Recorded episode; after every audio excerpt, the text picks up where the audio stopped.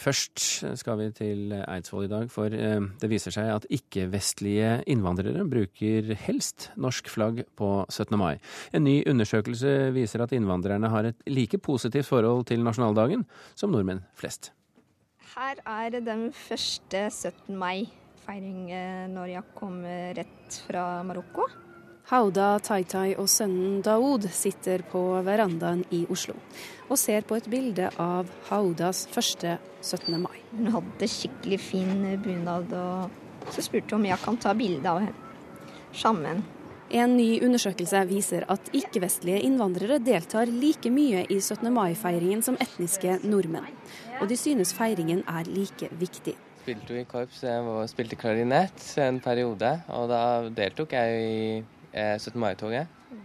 Eh, og det var jo en skikkelig opplevelse for meg eh, å gå i 17. mai-toget og føle at man bidrar til noe. da. Ni av ti ikke-vestlige innvandrere synes det norske flagget passer best på 17. mai, sier Pål Keter Båtvar ved stiftelsen Kirkeforskning. De er også med på mange deler av 17. mai-feiringen.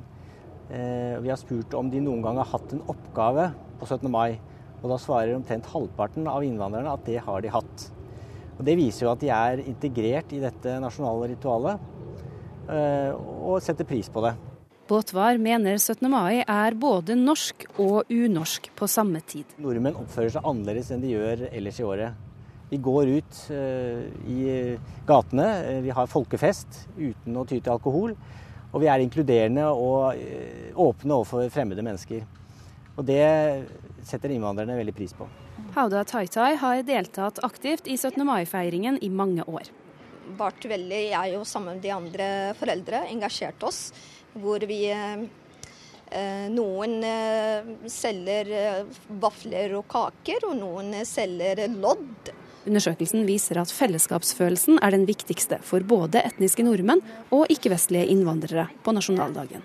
Eh, når vi velger å komme oss ut og, og delta sammen med nordmenn, eh, spesielt den 17. mai, så vi viser at den, eh, hvor stor respekten, og deler med dem gleden. Det sa Hauda Taitai til reporter Eirin Venås Sivertsen. Kulturkommentator her i NRK, Agnes Moxnes. Disse tallene, er de overraskende på noe vis?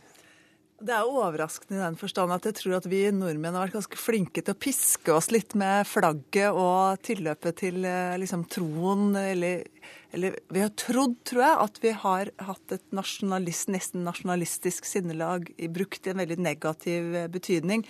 Eh, det er blitt illustrert bl.a. gjennom den debatten som var om disse papirflaggene i Ålesund, hvor det skulle være norsk på den ene siden. og og flagget til opphavslandet til det, det, barnet som gikk med dette flagget. Og det ble en sånn voldsom debatt om det.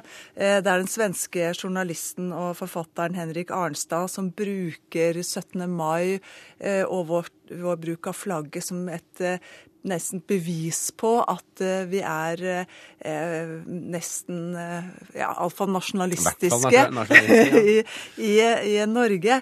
Sånn at disse tallene som kommer her, gjør nok at vi kan puste litt lettet ut, da, og kanskje liksom definere og prøve å finne andre eh, årsaker til at eh, så mange av oss eh, liker å gå ut på 17. mai og, og feire bl.a. den dagen med hjelp av norske flagg. Du var jo oppe på denne konferansen på Eidsvoll i dag. Eh, og Kom det frem der hvor viktig selve debatten om 17. mai er for 17. mai? Ja, altså Debatten gir altså Det var, det var en, en svensk-britisk forsker der som heter Gabriella Elgenius, som har sammenlignet måten man feirer nasjonaldager eh, på i ulike land i Europa.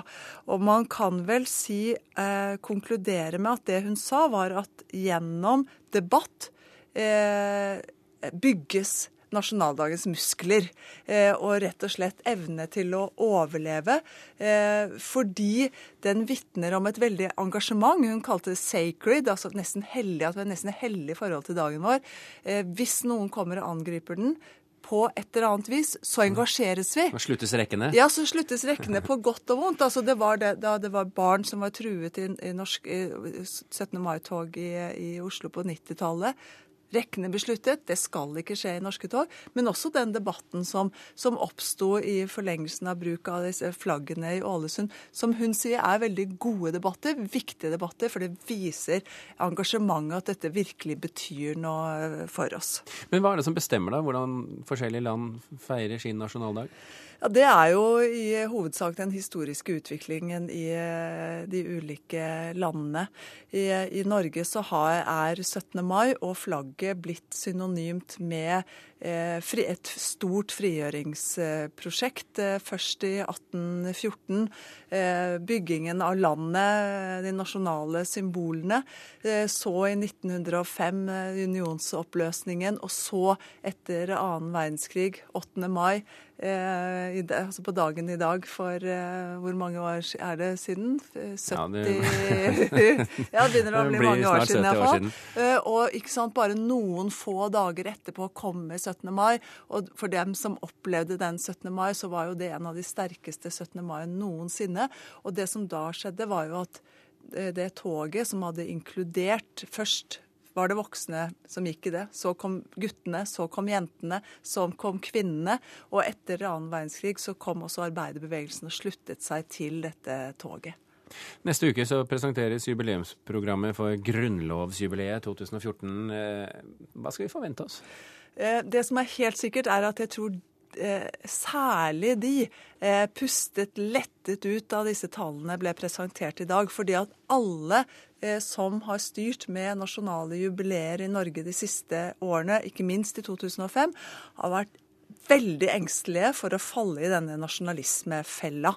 Sånn at eh, det, når dette programmet blir presentert, så tror jeg de har selv ønsker at de skal nærmest skape en ny sjanger ut av nasjonalfeiringer. feiringer, skal finne en ny måte å gjøre det på. Eh, samtidig så, så snakker de jo om altså at det skal være en stor dug, nasjonal dugnad. Man skal feire, ikke markere som man gjorde i 2005, og at hele landet skal inkluderes. Og så får jo tiden vise da om hele landet inkluderes, og om det blir en stor feiring neste år. Vi kan jo tippe at det gjør det. Agnes Moxnes, tusen takk for at du kunne komme hit i sendinga.